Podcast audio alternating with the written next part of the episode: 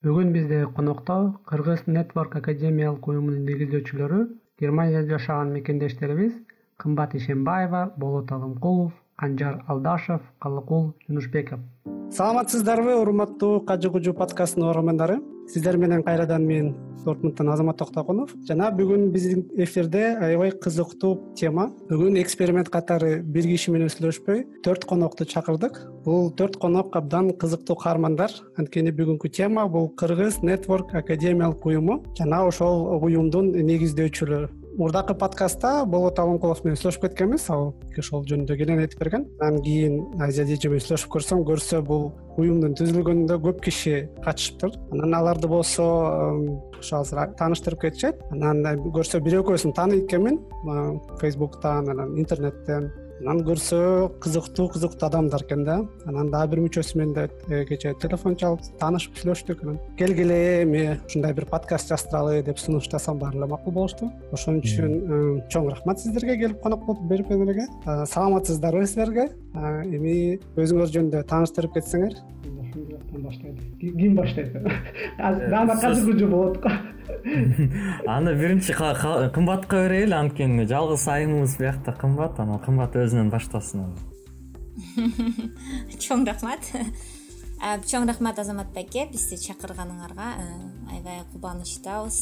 Сиздин идеяңызды сразу эле алдык ошон үчүн биз да аябай рады что вы пригласили менин атым кымбат кыргызстанда төрөлгөм. Мен өзүм чүй областинин тимен суу деген айылындамын негизи үй бүлөдө биз алты кызбыз. Мен бешинчисимин ата энем болсо экөө тең молочный продукты чыгарган предприятияда иштешет ошо. Мектепти эки миң онунчу жылда бүттүм ошол эле айылымда өзүмдүн айылымда. Анан кийин болсо бишкек шаарында жусуп баласагын атында кыргыз национальный университетине тапшыргам. Специальностьтим болсо чет тилдердин мугалими болуп чыкмакмын. Бирок жарым жолдон үчүнчү курсумду бүткөндөн кийин мен окууну дистанционный обученияга которуп анда уже башка университетке бакыл международный университет кыргызстана деген ошо бишкектеги эле университетке которулуп анан кийин германияга келе бергенмин германияга болсо ошо эки миң он үчүнчү жылы келдим. Аупр программасы менен келдим да. Силер дагы угуп жүрсөңөр эле көбүнчөсү билет аупр программаны бирок если убактыбыз калса дагы айтып берем ананчыраак ошо. Азыр учурда мен болсо бакалавриат окуумду бүтүп жатамын. В сфере бизнес и информационный технологий. Ошо буюрса сентябрь айында бүтүп анан кийин жаңы контракт алам. Параллельно окуум менен мен сап компаниясында иштейм. Бул международный айти компания. В штаб квартире который находится бальдорф ошол ошол менин жөнүмдө. Чоң рахмат кымбат. Ошол угармандарга дагы кымбат экөөбүз кыргыз нетворк кыргыз кыргыз жер менен айти комьюнити деп баштаганда ошол кымбат дагы активдүү катышуучусу болуп анан айтпасам биринчи вебинар жаздырганда ошол кымбат анан нурзат асан кызы анан айзада акбекова болуп ошол дуалес студия жөнүндө бир чоң видео жаздырган ошондон көрүп анан тааныйп анан жакшы сүйлөшүп калдык да. Чоң рахмат кымбат. Сени көп көп киши деле тааныйт окшойт рахмат чоң жумуштар жасап атасың. Дагы дагы азыр сүйлөшөбүз да. Кийинкиси кийинкиси канжарбек сөз берели калгул мен кичүүлөшүп кете берсин. Анда. Мейли кичүүдөн баштайлы кимден. Калыгул баштай берсин. Калыгул калыгул э кыздан кийин сразу кичүүсүнө анан кичүүсүнө өтөт сөз өзүңөр билгендей эле бул команданын эң кичүүсү мен болом өзүм жунушбеков калыгул ысык көл областынын темир айылында туулуп өскөнмүн анан алтынчы класстан кийин окуумду караколдо кыргыз түрк лицейинен улантканмын ал жакта он биринчи классты бүтүргөндөн кийин румынияга гранттык окуу утуп алганмын университетке. Анан бакалаврымды ошол румынияда окудум. Андан кийин университет бакалаврымды окуп жаткан учурда эрасмус программасы чыгып калды германияга. Анан ошол жактан эки миң он жетинчи жылы бул жака эрасмус программасы менен келип кеттим. Анан кайра ошол жылы бүтүрүп анан магистратурага тапшырыш керек болуп калды. Анан германияга келген мага бир чети жакшы потенциал болгон себеби бир аз келип мындай жарым жыл окуп бир аз эмесин түшүнүп кеттим. Мындай система кандай э, анан кийин окуса болорун дагы билип кайрадан ошо магистратурамды азыр бул жактан улантып жатамын. Анан азыр магистратурам буюрса акыркы семестрде бутурсам болот. Себеби пока мен магистратура эменде диссертациямды азыр жакта жазып атамын. Ал диссертациямда эме кымбат эже иштеген компанияда мен да sap менен бирликте жазып атам анын темасы болсо эме life sciences industry бул э, life sciences industry бул жашоо индустриясы болуп калабы. Которгондо ошонун ичинде эле мисалы үчүн жанагы дарылардын мындай диджитал саплайн эмеси кыргызча болуп калып экен кээ бир терминдер. Санариптүү мындай камсыздандыруу десең болот.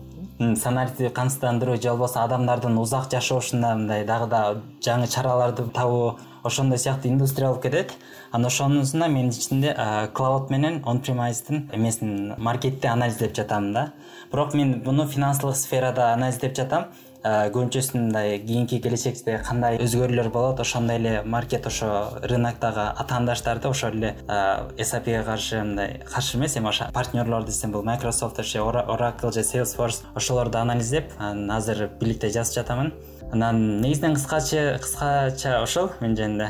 Чоң рахмат калыгул сен дагы интернеттен аябай активдүүсүң сени да көп э, тааныйт болуш керек. Айтпасам анткени менин байкашымча аябай пайдалуу макалаларды жазып ауп программасы анан э, дагы германияга келген кандай программалар жөнүндө жазып чыгып ар дайым эле көрөм да жакшы макалалардычы көп көп көп жаш кыздар сурашат да эми кыргыздын билимдүүлөрдүн баары эле сапд анан. Акыркы төрт айдан бери бүт жагы өчүк.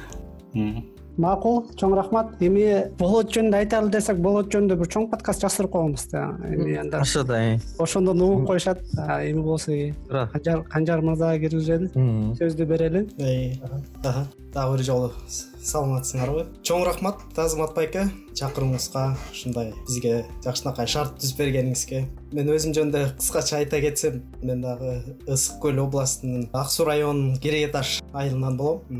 Өзүмдүн атым канжарбек алдаш ал эми ошол э, мектепти бүткөндөн кийин эле өзүбүздүн борборго баягы бишкекке кыргыз курулуш транспорт жана архитектура университетине инновациялык жаңы кесиптер институтуна э, кризиске каршы башкаруу факультетине тапшырып э, ошол жакты бүтүргөм. Ал эми ошол эле учурда университетте иштеп ошол эле университетте дүйнөлүк экономика факультетинде экономика жаатында дагы магистратурамды бүткөм. Ал эми ошол жакта баягы бүткөндөн кийин баягы баарыбызга белгилүү болгондой баягы ал жакта иштеп өз баягы лаборант катары жумушка кирдим алгач ал жакта иштедим андан кийин ошол эле факультетте маркетинг бөлүмү ачылып ал жакта иштедим. Э, ал жакта иштеп жүрүп анан баягы германияга сунуштар болуп калды. Э, ошол жака кеткенге мүмкүнчүлүктөр болуп калды баягы эми азыр кааламдашы болуп атканда э, бири бирибизден маалымат алып германияга окууга дагы мүмкүнчүлүктөр түзүлдү ошол иштеп жүргөн учурда. Ал эми азыр баарыбыз билгендей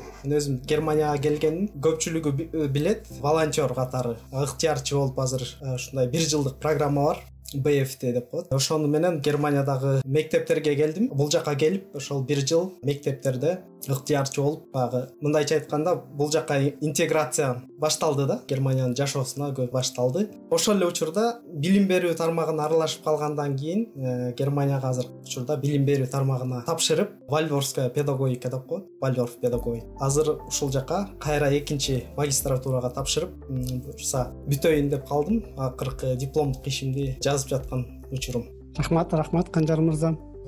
Э, рахмат баарыңарга кыскача тааныштырып кеткениңиздерге негизинен ар бириңер менен өзүнчө бир чоң подкаст жазчырчудай бирок кызыктуусу бул уюм болуп атат да. Анткени ошо кыргыз нетворк академиялык уюму деп көп угуп анан э, уже төртүнчү конференция өткөн жатат ошолор жөнүндө угуп анан көп элдер тааныйт.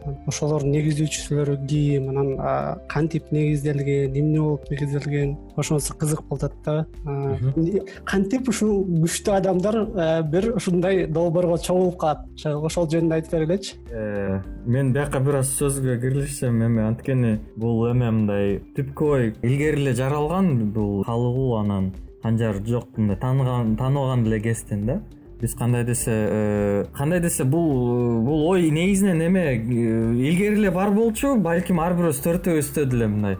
Эң негизги ой максатыбыз мындай жаштар болгон үчүн кандай десе германияда жүрүп мындай билим алып атабыз тажрыйба алып атабыз аябай аябай керектүү баалуу тажрыйба билим алып атабыз анан аны кантип десе кыргызстанга жумшасак болот да. Кыргызстандын өнүгүүсүнө жумшасак болот деген мындай ой менен жүргөнбүз. Анан негизинен э, мага мен үчүн ал мен ошол ой менен жүрүп мисалы эки миң э, он биринчи жылы келгем баягы айтып кеткендей германияга келип окуумду мына уже ортосуна келген заманда мен франкфурт шаарында эме жанагы кыргыз клаб жорманин жолугусуна келгем. Э, ал жерде каныке ирчи келген ал үчүн көптөгөн жердештерибиз келип аны угуп кетип э, ал учурда жакшы маанайда өтүп аягына келгенде суроо жоп деген жерди чыгарды да эме ошол аягында кимде кандай суроо болсо аларды суроо бере алат деп ар бирөө суроолорду берип ортого билген киши чыгып жооп бере баштады.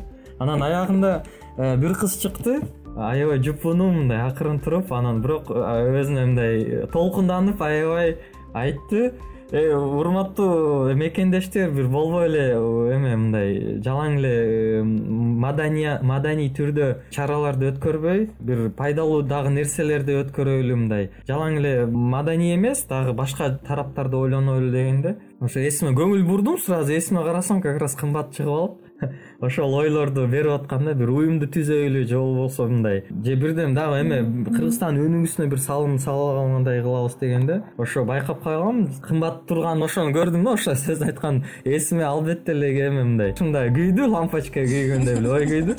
Сөзсүз барып кымбатка жанына барып сүйлөшүшүм керек деп анан ошол кече аягын аяктап атканда кымбатка барып сүйлөштүм. Тааныштым албетте ал жерде эле бүт контакттарыбыз алмашып алып анан кымбат экөөбүз эме байланышып ошо бир түп ойду салып ойлоно баштадык да кандай кылсак болот. Башында биз кандай десе өзүбүз аракет кылып көрдүк. Анан э, кыргыз клабтын алкагында деле бир мындай өзүнчө бир долбоор кылып жаштар кадрлардын эмесин мындай. Биякта германияда окуп жаткан кадрлардын эмеси уюму катары деп ойлонуп жатканбыз. Анан бара бара ойлонуп убакыт өтүп биз деле түшүнө баштадык. Бул кандай десе кыргыз клаб алкагында болбогонун учуру эмне үчүн биздин эмес максаттарыбыз ар башка болуп атат да. Анан биз деле иш өткөрсөк биз өзүнчө уюм болгону эле туура болуп калып атат да. Анткени ал жерде маданий мындай бириктирүү жолду ойлонгон э, уюм болсо а биздин уюмубуз мындай билим берүү жана тажрыйба менен алмашуу ушундай уюмга кеткен туура болгон деп ойлондук да анан. Бара бара анан эки миң он алтынчы жылы мен деле ойлонуп атып бир модель керек болчу болот ошол жактан кичине сурап кетейин кызыктуу болуп кетти да бизге бир жолу э, жана лайк центрынан бизнес молодость деп бир балдар келген да анан алар мындай өздөрүнүн баягы кантип э, өзүңдүн жашооңду өзгөртүш керек кантип э, башка элдердин жашоосун өзгөртүш керек деп ушундай конференция өткөрүп атат. Анан ведущий сурап атпайбы. Менде бир силерге чоң белек бар дейт да. Ошол белекти баягы биринчи сатып атат конференциясынчы. Анан ошол белекти ким алат колуңар көтөрүлө деп атпайбы ким алгысы келет десе бирөө басып келе мен алгым келет деп көтөрүп алды да анысы э, ошол кымбат биринчи аракет кылып турду анан кымбат э, ушуну сурап кетейин дедим эле ушул ой сага кайдан келди анан кантип сен ошо элдер турганда э, мен сурайм или ушундай оюм бар деп эмне ойлор келди ошол убакта ошол жөнүндө ортосунда бир кысып кетпейсиңби жанагы күлүп кеткенде эстеп кеттимде бир бир эме бар болуш керек депчи ооба айта кетейин билбейм ичимде ошондой күч пайда болду деп айтсам болот да ичимдечи. Негизи менин оюм бар деп ой менен суроону бергем да кантип эле жокпосун ошол кечте жүз жетимиш адам регистрация өткөн болчу да жүз жетимиш адам. Германиянын да ичинен келген жок ал адамдар. Франциядан келишиптир австрия швейцария. Аябай мындай эме. Кыргыздар европанын ичиндеги кыргыздар чогулдук да ошондочу анан кийин мен ошол бар эле кантип болбосун ошондой бир организация бар деп эле ошол суроомду бердим да баягы нетворкинг кылайын контакттарды алайын деп. Ошентип э, суроомду бердим бирок действительно я аябай волновалась да ошондо суроону берип атканда эсимде бар да. Анан кийин и суроону берсем полная тишина. Просто тишина. Э, баягы ответимди ала албай калдым да. Ала албай калып баягы жаңы кайрылып макул деп баягы суроомго ответ албадым жаңы кайрылып э, баягы микрофонду берип нары жака өтүп баратсам болот алдыман чыга калды. Алдыман чыга калып эле эй кымбат! деп эле баягы тааныштык ошол жерден! Анан кийин обменялись контактами ошондон бери баягы болот экөөбүз ошол идеяны чоңойтуп келатабыз чоңойтуп келатабыз чоңойтуп келатабыз да! Ушул жерлер кызыктуу да.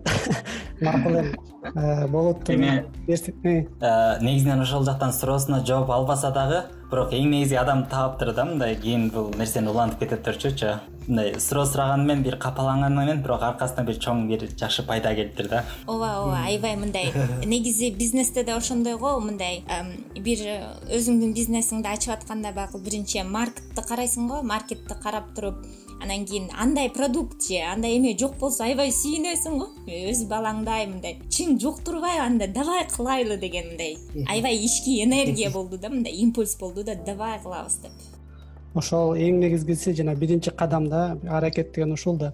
Э, адам бир идеяны ойлоп жүрө берсе бир күнү жазайын деп жүрө берет убакыт кете берет да. Бир күнү эле жок ушул убакыт келди мен өзүмдү алаксыбай ошол ишке мен жасайм деп туруп эле бир кадам кеткенден кийин анан бир кадамдын артынан экинчи кадам кетип анан мүмкүнчүлүктөр ачылып кете берет да. Анан ошондон кийин чоң натыйжада чоң бир нерсе жасалышы мүмкүн анан болот дагы аябай мындай өзү да аябай мындай нетворкингге дагы аябай жакшы да.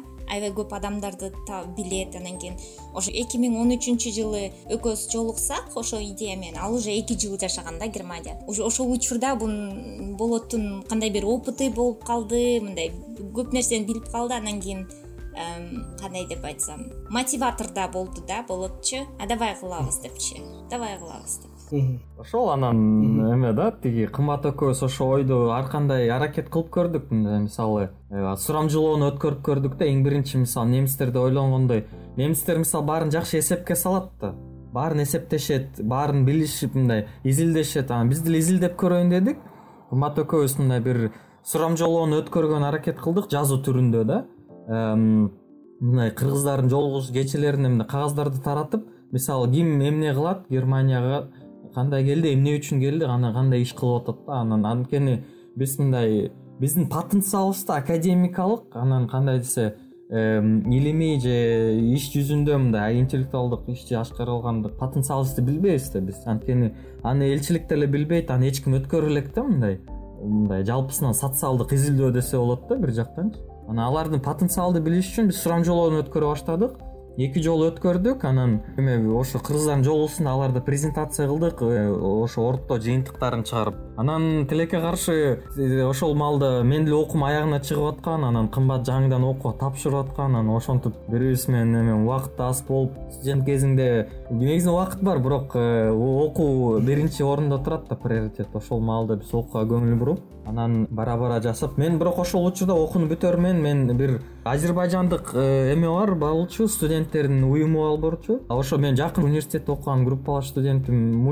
кудай эме аллахбердиев болчу. Ал болсо айткан бизде мындай уюм бар дегенде мейли мен бир сыйралап карап көрөйүн деп конференциясына катышып келгем да. Ичине кирдим көрдүм кандай кылышат алардын мисалы алар кандай кылышат модель эмесин алып мындай кандай десе бир мындай эмесин алдым да жөн эле мындай ой ой катары эле көрдүм да. Алар эмне кылат? Биз эмнени алардан ала алабыз пайдасы тийген жер же болбосо биз эмнени жакшырта алабыз деген маани алдык. Анан э, ошондо ой келди биз уюм өзүбүз уюмубузду түзгөн эле туура келди деп анан ошол уюмдун түзүү боюнча кагаздарды чогулта баштадык. Анан расмий түрдө германияда мындай катталыш үчүн керектүү кагаздарды чогулта баштадык. Ошондон баштап анан бара бара тебе перебьюать эме болот я эме жаңы эле вспомнила. Баягы кечелерге барабыз да кыргыз клабтын кечелерине барып аяка негизи эл эс алганы барат таанышканы мындай. Ооба.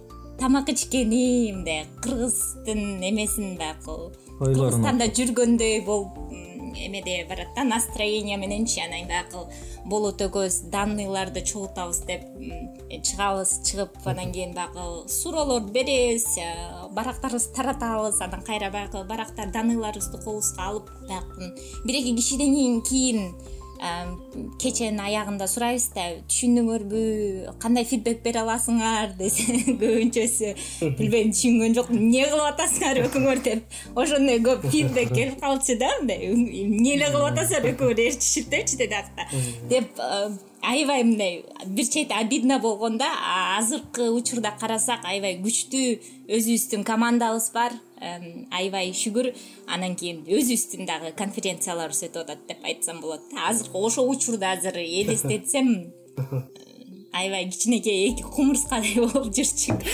Азыр э, аябай чоң командабыз бар күчтүү командабыз бар. Ошо туура анан ал деле туура кошулам жүздөн жүз э, кымбатка бизде болсо андай эле түшүн элдер эле анча түшүнгөн эмес. Жарымы келип ар бирөө бетме бет сүйлөшсөң түшүнөт. А мындай э, сахнага же мындай э, подиумга чыгып бирдеме айтып берсең эл деле түшүнбөй калчу да көп учурда биздин ойлорубуздучу анан мындай эл менен сүйлөшүп мындай бетме бет чыкканда эле мындай көбүрөөк түшүнүктүү болду да. Абдан кызыктуумун. Азыр рахмат болот биринчиден ишиңиз анан э, азыр күтүп атам да кайсыл жерден канжар мырза менен калыгул мырза командага кошулуп калды деп бирок биздин э, эфирдеги өзүм радиодо жүргөндө элестетип атам.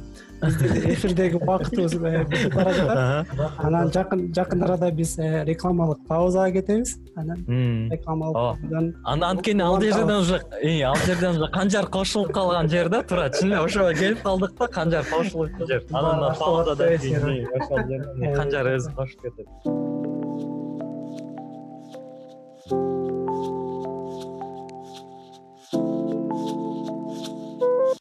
саламатсыздарбы достор? Контентчи платформасы жарнама сунуштарды кабыл ала баштайт. Баардык суроолор боюнча нөл жети жүз тогуз он үч токсон алты нөл үч номерине кайрылыңыздар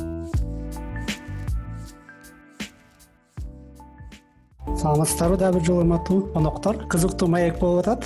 Кичине тезисин айтып кеткенде бир алты жети жыл мурун кымбат эсимден чыгып кетпесе кыргыз клубдун мааракеси мааракесинде суроо бериптир ушундай уюм барбы деп. Аны болот угуп калып о деп анан бүткөндөн кийин кымбат жанына келип кел жазайбыз чогуу! деп сураптыр анан ошол жерден канжар мырза кантип кошулуп калган деген жерине келдик чоң рахмат. Негизи баягы өтүп кеткен нерсе тарых болуп жазылып калат турбайбы анан ошол тарыхка бир аз кайрылалы анда э, негизинен абдан кымбат менен болот аябай жакшы маек куруп жакшы айтып беришпедиби ооба бул учурда эми мен э, болот менен кантип таанышкам анан кийин кымбат болуп кандай болгону жөнүндө дагы кошумчалай кетейин. Алгач болуп бул бул мындай ой баягы биякта баарыбыздын баягы ойлоп жүргөн бир көздөп жүргөн нерсебиз болот эмеспи? Ар бир адамдын бир максаты э, болот эмеспи? Анан германияга келгенден кийин э, берлинде жашап калдым берлинде жашап анан буга чейин өзүм дагы угуп жүрчүмүн көрүп жүрчүмүн баягы. Четте жүргөн э, чет мамлекетте жүргөн билим алып жүргөн аябай билимдин илимдин баягы туу чокусуна жеткен деп коебуз го. Э, ошол адамдарды баягы алыстан көрчүмүн да. Анан абдан күчтүү абдан тажрыйбалуу адамдар бирок ошолор ошолор мага кызык болчу да. Ошол адамдарды тажрыйбасы менен бөлүшүү ошолор адамдар менен мындай сүйлөшүү мага абдан кызык болчу да убагында анан берлинде жүргөндө бияктан дагы берлинде көп баягы байкелер менен жолугуп сүйлөшүп анан ушул окшогон идея ортого салып бир ушундай аларга сунуш берип ушундай баштасак э, уюм түзсөк деген бир жакшы ойлор башталган да. Анан тилекке каршы ал учурда баягы өзүң ойлогон адамдарды издеп баштайсың го. Ошондой адамдар ойчулдарды э, ойчулдарды мындайча айтканда. Ошентип жүргөм бирөөнө жолугам бирөөнүн убактысы болбой калат. Идеялары бар. Давай мындай кылабыз тигиндей кылабыз ишке ашырыш керек дейт. Бирок баягы иш жүзүндө жок да. Ошентип жүрдүм. Э, бир чакан э, чакан байкелер менен бир чогулуш баштап бир ушундай чогулуш уюм түзүп баштайлы деп бир чогулдук. Анан тилекке каршы алыбыз дагы болбой калды. Барып убакыт жок. Ошентип эки миң он алтынчы жылы э эки миң он жетинчи жылы эки миң он жетинчи жылы берлинде футбол футбол уюштуруп турат эмеспи? Футболго бардык футболго барып ошол жерден анан ал күнү ошо болот менен алгач тааныштым ага чейин мындай азыр фейсбук аркылуу мындай тааныш эле болчубуз. Сырттан эми азыр баары бири бирин сырттан тааныйт эмеспи. Ошентип жүзмө жүз бетме бет болот экөөбүз жолугуп калдык алгач ошол бир телеканалдардын бири бизден дагы бир кыскача интервью алган болот экөөбүздөн анан ошондон кийин экөөбүз мындай жакын сүйлөшүп калдык анан бир байланышалуу болуп калып калдык. Анан ошондон кийин бир аз убакыт өткөндөн кийин анан болот экөөбүз сүйлөштүк.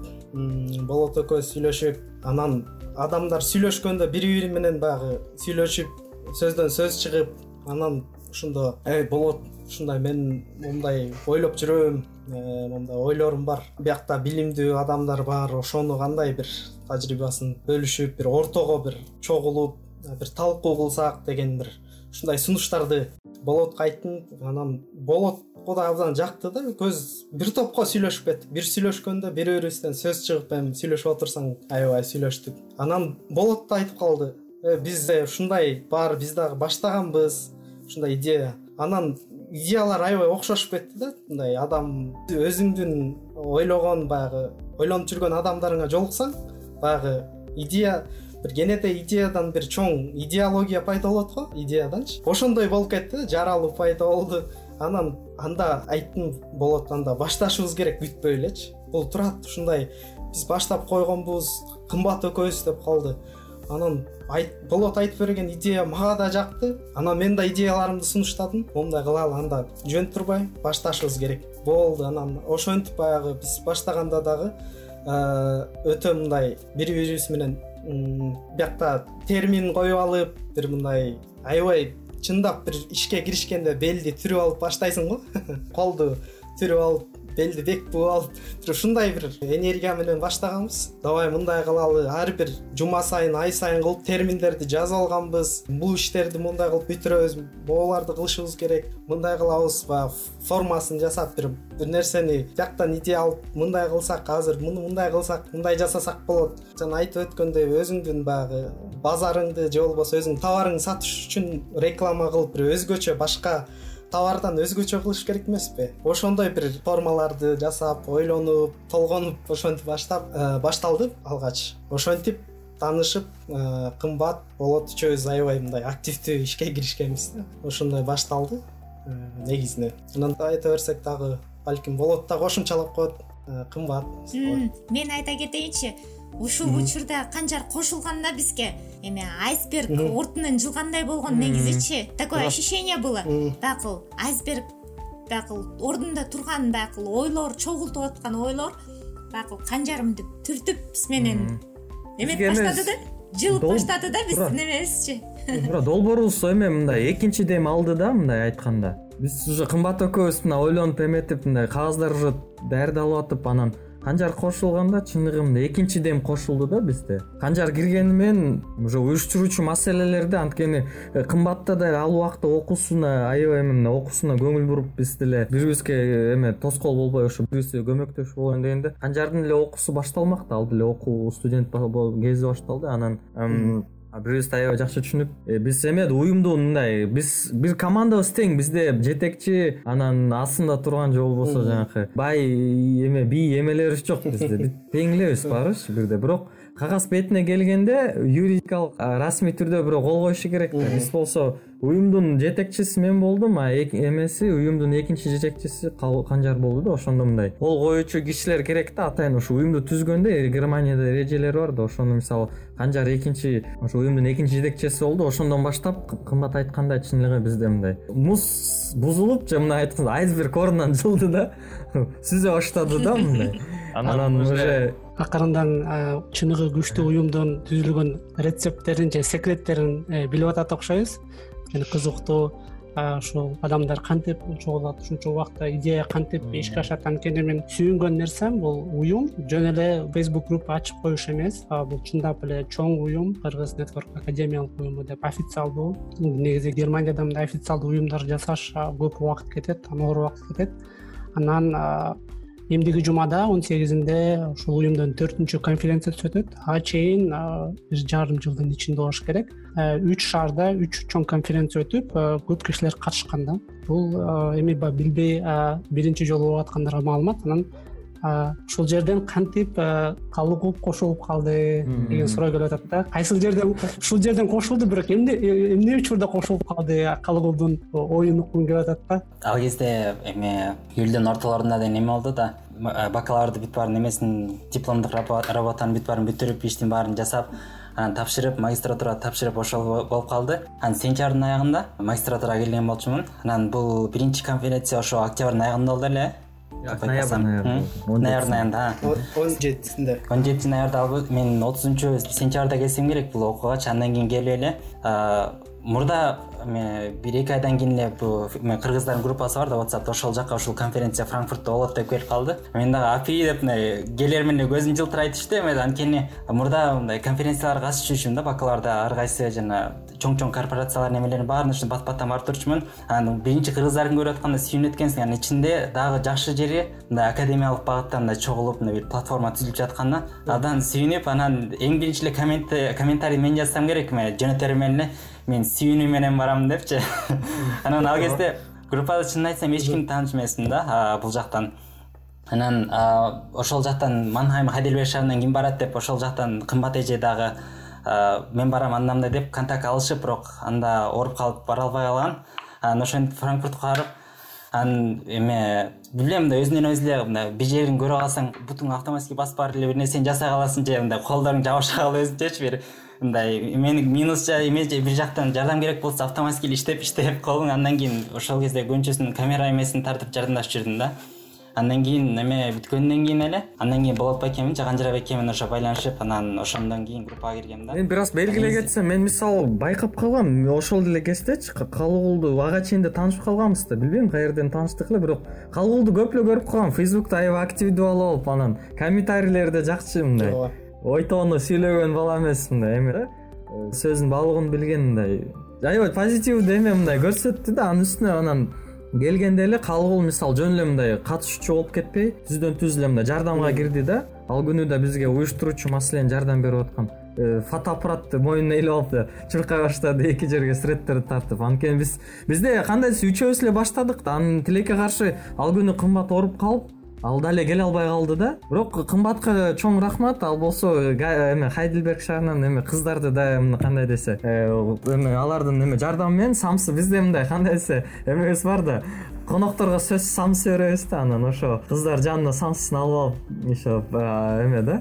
Келип э, аларга деле чоң рахмат ошол күнү бизге жардам берген кыздарга анан аларды кымбат дайындап коюп бизге жиберген анан алар деле ал күнү аябай жардамдашып и ошондо деле мындай көп түйшүк болду уюштуруучу маселе бирок ошол жерде калыгул деле бар мындай аябай активдүү катышып э, өзүнүн мындай кызыкчылыгын көрсөттү да чыныгы мен эме деп мындай четте туруп калбай. Бирок мындай бизге чыныгы активдүү болуп суроо берип анан калыгулду ага чейин деле таанычмын да. Ошондон да дагы көп билип калдым да. Кайдыгер карабаган бала да мындай. Ушундай жакшы мен да кошулуп кошула кетейин. Калыгул калыгулду эми өзү мындай биринчи таанышканда баягы манхаймга келип э мындай өзү чоң мындай скромный бала да. Бирок чоң чоң балдардай да. Анын жашын сурасаң бизден аябай эле кичүү да мындай. Анан бирок сүйлөшүүгө келсең өтө мындай ой жүгүртүүсү кенен э, мындай көп нерсени алдын ала көрө билген мындай идея сунуштай алган ушундай бала экен да мага дагы аябай кызыгып калдым сүйлөшсөң мындай көп маалыматтарды айтып берет көп окуган мындай. Өтө аракетчил мага да байкалды абдан жакты. Ошон кийин болот экөөбүз дагы сүйлөшүп калдык ушундай калыгул калыгул аябай жакшы бала. Ушуну өзүбүз командабыз менен чогуу алып кетсек аябай жакшы болот э, жакшы болот деп. Анан калыгулга дагы ошентип айттык. Аябай калыгулга да аябай жакты ошентип ошондон баштап биринчи конференциядан баштап көп э, мындай жоопкерчиликти мойнуна алып дагы өзү жаңы келип атса дагы жоопкерчиликти мойнуна алып ошону тартып кетти да. Биз менен кошулупчу ошон ошого аябай ыраазы болуп азыр ашыкча мактап эдиң азыр ыйлап мынчалык зөкөрлүк болчумун деп жок мен. айта элекмин да мен да оюмду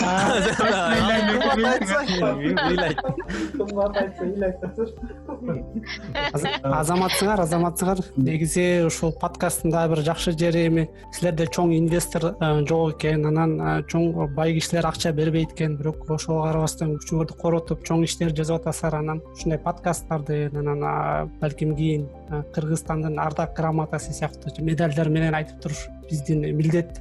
Анткени көп нерсени жазып атасыздар көп нерсени көрүп атабыз да. Ошо силерге чоң рахмат ушул жерден анан чоң күчтүү накта команда түзүлүптүр анан атын деле жатканда академиялык уюм мен биринчи укканда академиктер чогулуп бир чоң иш жасап атат окшойт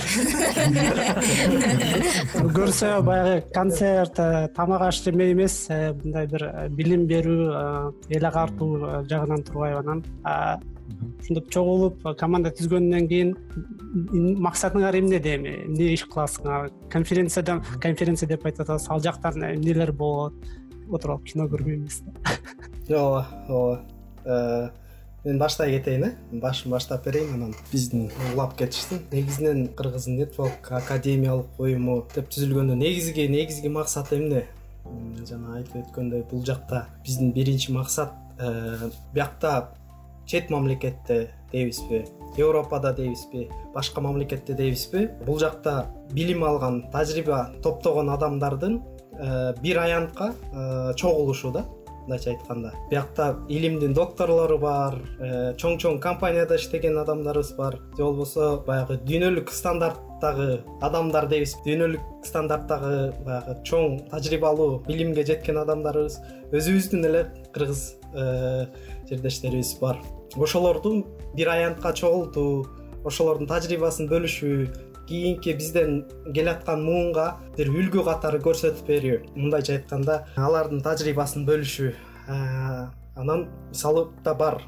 Биякта иштеп жүргөн ошол эле байке эжелерибиз биякта окуусун бүткөн жаңы студенттер бүтүп атат ошолорго жумушка кандай кириш керек? Э, кантип келечекте кантип кандай иштерге кайсы багыттарга э, мисалы ошолорго дагы бир жол көрсөтүү. Ал эми жаңы германияга келген бизден кийинки баягы ини карындаштарыбызга аларга окууга тапшыруусуна кандай жол көрсөтөбүз кантип жардам беребиз? Бирден бир максаты дагы ошол. Андан кийинки максаты ошол эле учурда ошол чогулган адамдар мисалы кандайдыр бир проектти иштеп чыгып германияда болобу башка жакта болобу бир долбоорду иштеп чыгып ошол эле учурда кыргызстанга кандай салым кошо алабыз? Буга чейин көрдүк биздин ошол бизге билинбей жүргөн эле биякта билинбей жүргөн эле ага байке эжелерибиз кыргызстанга көп э, жардамдарды кылышып атыптыр бирок билбей жатканбыз. А биз баардыгыбыз мисалы ачыкка чыгып алар менен биргеликте бир долбоорлорду иштеп чыгып бир жакшы долбоорлорду кыргызстанга иштетсек деген дагы бирден бир максатыбыз бар да ушундай. Э, азыркы учурда көрүп жатабыз башка мисалы америка дейбизби э, башка мамлекеттерде япония. Биз окшогон ушундай уюмдар бар. Алар дагы жакшы бир долбоорлорду ишке ашырып атышат.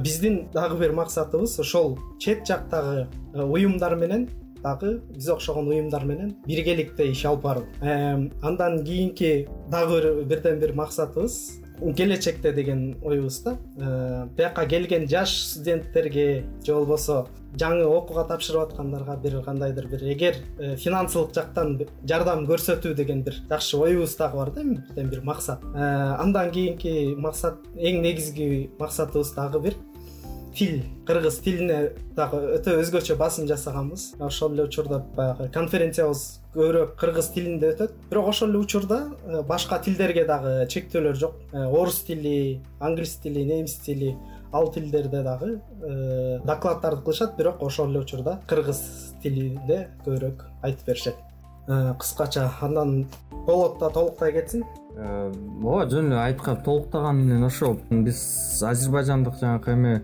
уюмдун эмесин карадым да. Ал жерде да аябай күчтүү балдар да мындай карасам алар деле мындай алардын эле структурасын алсам жарымы врач да почти элестетсеңиз биякта медицина окуган бүт азербайжан бар ортолук жарымысы врач ошо мындай ал деле мындай салыштырып көрсөм биз ошо билим тараптан аксап атканыбыз жерибиз болду ошондуктан ошо басым кылайлы деген ой менен. А биздин бирок эң жакшы артыкчылыгыбыз аларга караганда бүт орто азия менен да алып келгенде бизде эркиндик бар да мамлекетибизде жок дегенде жарандар өз эмеси менен демилгеси менен жардам бере турган жеңилирээк келет да а мисалы биз коңшу мамлекеттерге карасак жаштар мисалы казакстардын казакстандын жаштары чогула албайт андай. Өзгөртүп анткени алар саясаттан чоң көзөмөл салынат да аларгачы. Эгерде биякта жаштар уюму чогулуп мындай э, бир саясат жөнүндө сөз айтып кетсе эле болду ал мындай залга келтирет да. Биздин жакшы жерибиз. Биз биякта биздин уюмубуз эме сиз айткандай инвестор эч ким жок. Албетте бизди колдойт бирок биз саясаттан тышкары нейтралдуу карайбыз. Эч кимдин кызыкчылыктарын өкүлү эмеспиз. Ошол эле учурда эч кандай мына киреше табуу максаты менен уюм коюлган жок. Жана биз эркин мындай көз карандысыз эме уюм болгон үчүн биз өзүбүз өнүктүрүп проекттерибизди каалагандай иш жүзүнө ашыра алабыз да негизинен. Албетте мындай бийликтин бир э, административдик тарабын эле карайбыз да. Мисалы мыйзам тарабын эле өз бийлиги менен албетте мындай кесилишебиз. Бирок биздин эмес түздөн түз максатыбыз жок да алар менен иштеш. Анан ошондуктан азербайжандыкта жаштарды көрдүм алардын деле көздөрү күбөт бирок тилекке каршы азербайжанда саясат мисалы э, кырдаал үчүн алар деле мындай көп долбоорлордо ойлор менен болгон кириш өтө кыйын да. Анткени ал жерде э, мындай саясатка жараша да саясаттын эмеси мындай туруш эмеси кырдаалы боюнча да. Бизге ошондуктан жакшы жерибиз. Биз мына ошо ошондуктан ошо ой менен деле э, уюмдун башталышы жалаң эле конференциялар менен жана мындай чогуу адамдарды чогултуп бир жерге мындай өткөрүп биригиш албетте биринчи эң негизги кадамдардын бири бул адамдардын баштарын бириктирип мындай кандай десе ойлорун бириктирип мындай бир жерге алып келип жанагы э, манастын осуятын айткандай бир жакадан баш бир жеңден колдой мындай ынтымактуу алып келип биргеликте иштесек албетте пайдалы көбүрөөк болот да ошонун үстүнөн экинчиден ошол нетворкингден келген биринчи нетворкинг кадамдан келген ошонун продуктусу проекттер болушу керек деген максат менен кылганбыз да мындай. Кандайдыр чакан долбоорлор биздин өнүктүү боюнча же чакан чоң болуу чыгып адамдарга мындай багыт берүү да ошол тарапта иштеген. Ошол да мындай максаттардын бири болчу да анан канжар бизге бир эки мисал келтирип кетсин мындай мисалы да. Мисалы кичинекей чакан проекттер башталган да аны бир аз белгилеп кетсе болот да. ооба ал жагынан мейли ал жагынан да кошумчалай кетейин. Буга чейин ошол жана айтып өткөндөй баягы айтып өттүк го башында. Баягы идеядан чоң идеялар биригип чоң идеология болот эмеспи? Анысы кандай баягы биякта тажрыйбаларды бир аянтчага топтоп чогулганда ошол жерден чоң идеология пайда болот экен да. Мындай мындайча айтканда.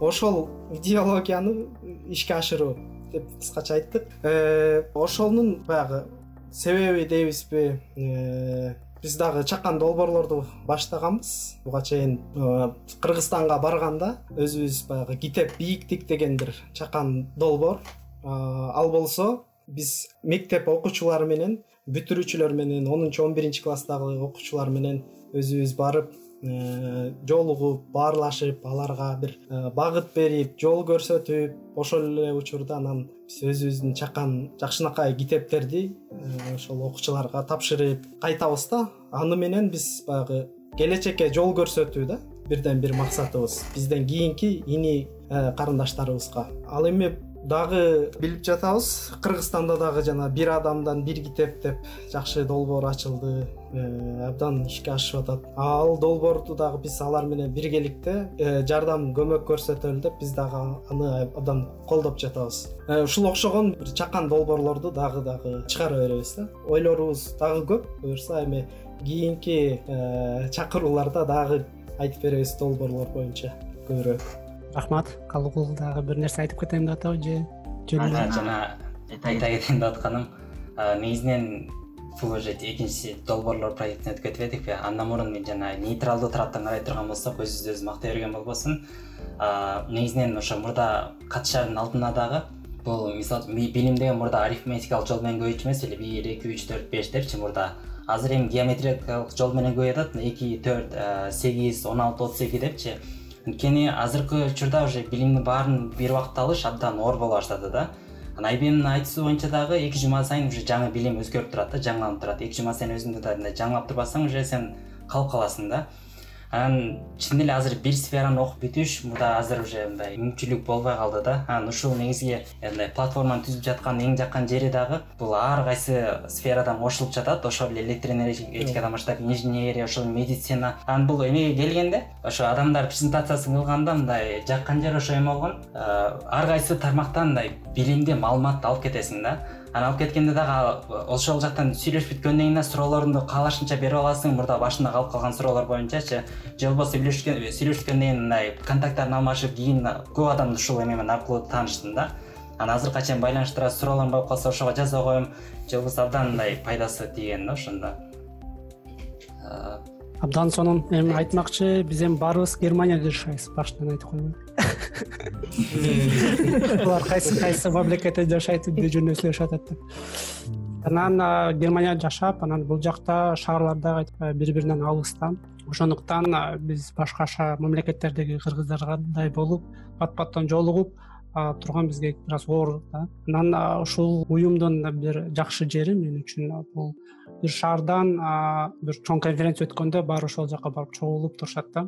Анан мына төрт киши чогулуп бир идеяны ойлоп ойлонуп ошону ишке ашырып анан уюм түзүлдү анан мына канжар мырза айтып кеткендей долбоорлор башталып атат акырындан анан бул уюм идеясы мурда пайда болсо дагы официалдуу түрдө жакын убакыттын ичинде да мындай уюм түзүлдү да. Жаш уюм эми дагы бир он жылдан кийин жана идея идеологияга айланып андан дагы чоң чоң нерселер ишке ашат деп ойлойм да.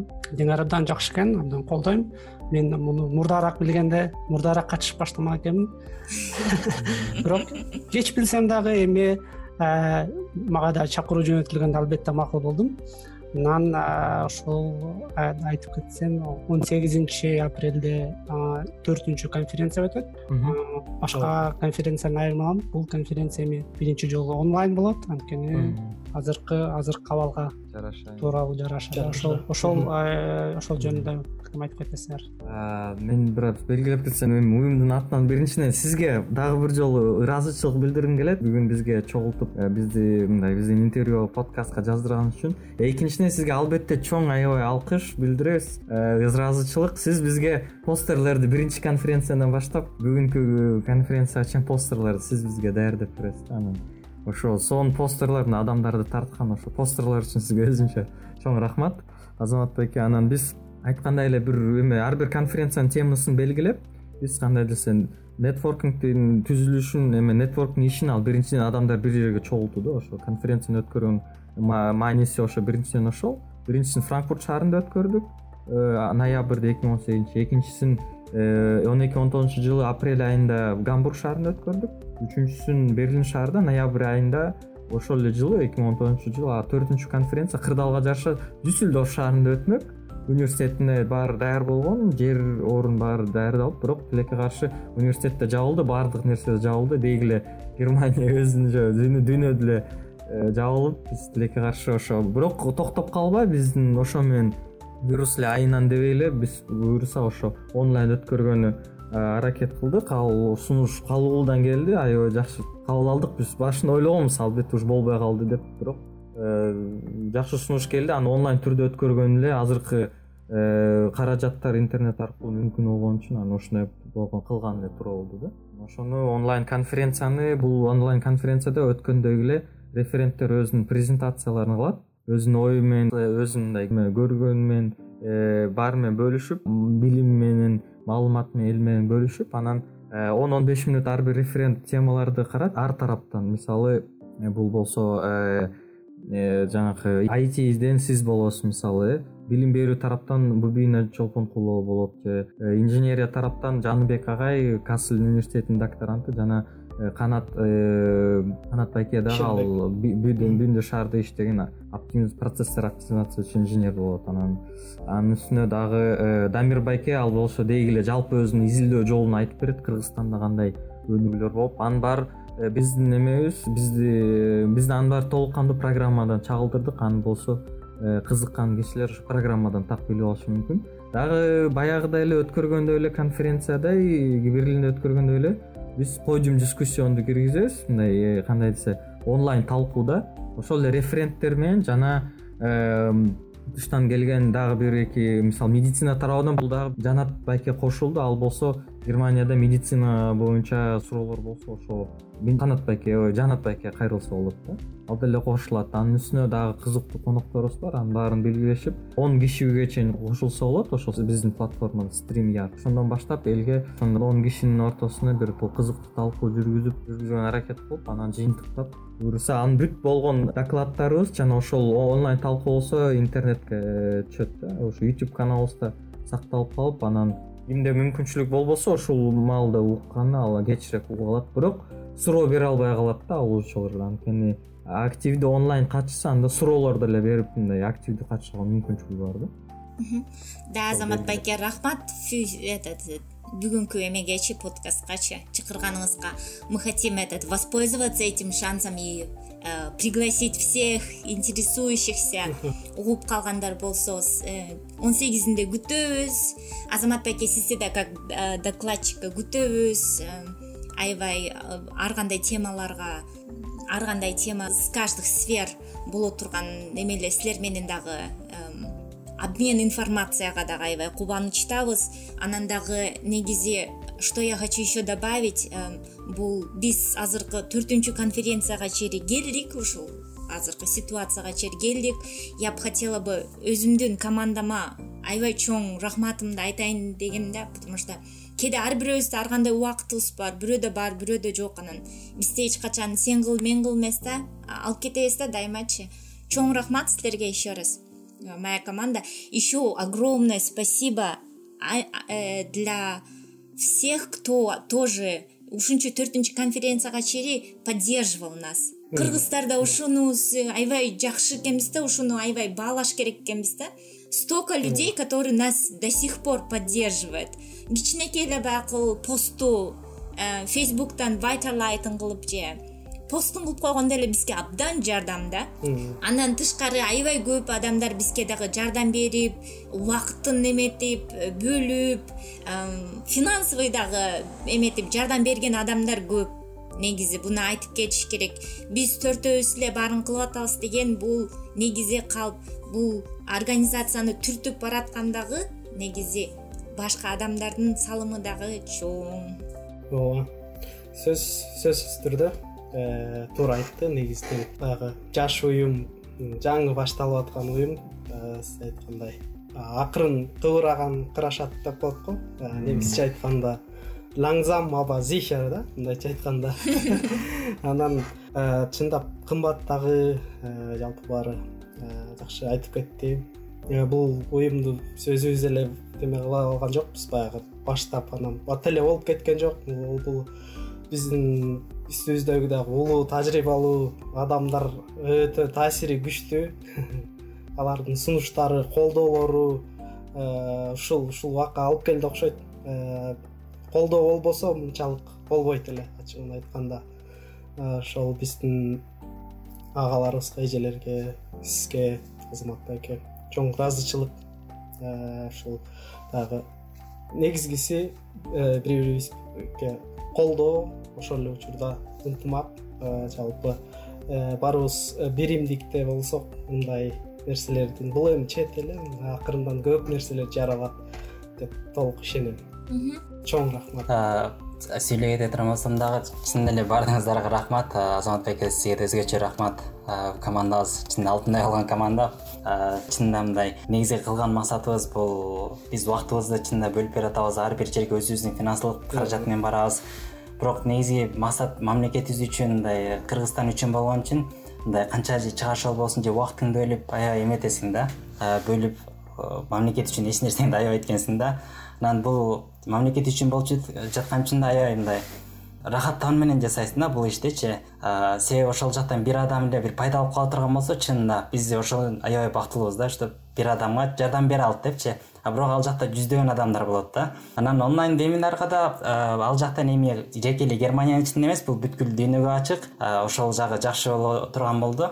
Кыргызстандан да буюрса катышуучуларын да күтөбүз баардыгын бөлүшүп койгула жакындарыңар менен чоң рахмат баардыгыңарга дагы биз уюмубуздун атынан конференция жазма биздин уюмубузга кичине жана чоң жардам берген баардык адамдарга кишилерге чоң рахмат айткыбыз келет. Конференцияларды уюштуруучу убагында анан алдын уюштурууга чейин уюштургандан кийин бизге кандай десек моралдык колдоо көрсөткөн бизге кол менен жардам берген же акчалай жардам берип материал жардам берген бүт адамдарга бүт бүт биздин мекендештерибизге чоң чоң рахмат айтабыз. Ыраазычылык билдиребиз терең э, жүрөгүбүздөн сизге ыраазычылык билдиребиз жок. Биздин конференцияларыбыз үч жүздөн ашмак эмес. Бар болуңуздар сизге абдан ыраазыбыз жана сиздин берген кандай гана болбосун жардамыңыз бизге өтө маанилүү өтө керектүү. Чоң рахмат сиздерге. Рахмат сиздерге коноктор. Чоң иш кылып атасыңар. Анан чоң салым кошуп атабыз. Бул билим деген азыр көрүп аткандай эң эң керектүү нерсе кыргызстанга биздин элибизге анткени бизде баягы канча миң жол айтылып кетти. Бизде нефть жок кеңдерибиз аз. Билим менен гана агарып анан өнүгө алабыз. Анан биз германияга өзүбүз жаңы көчүп келип анан жаңы отурукташып жаңы бутка туруп окуубузду бүтүрүп ишке кирип жаткан кезибиз. Арабызда мультимиллиардерлер азырынча жок. Ошондуктан баягы жардам берет десе эле акчаны мынтип таратып э, коюш андай мүмкүнчүлүк жок бирок э, жөн э, калбастан э, өзүбүздүн болгон иш аракетибизди жумшайлы ушу менен биздин подкаст аяктады. Биз менен болгонуңуз үчүн чоң рахмат. Жана сак саламатта калыңыздар.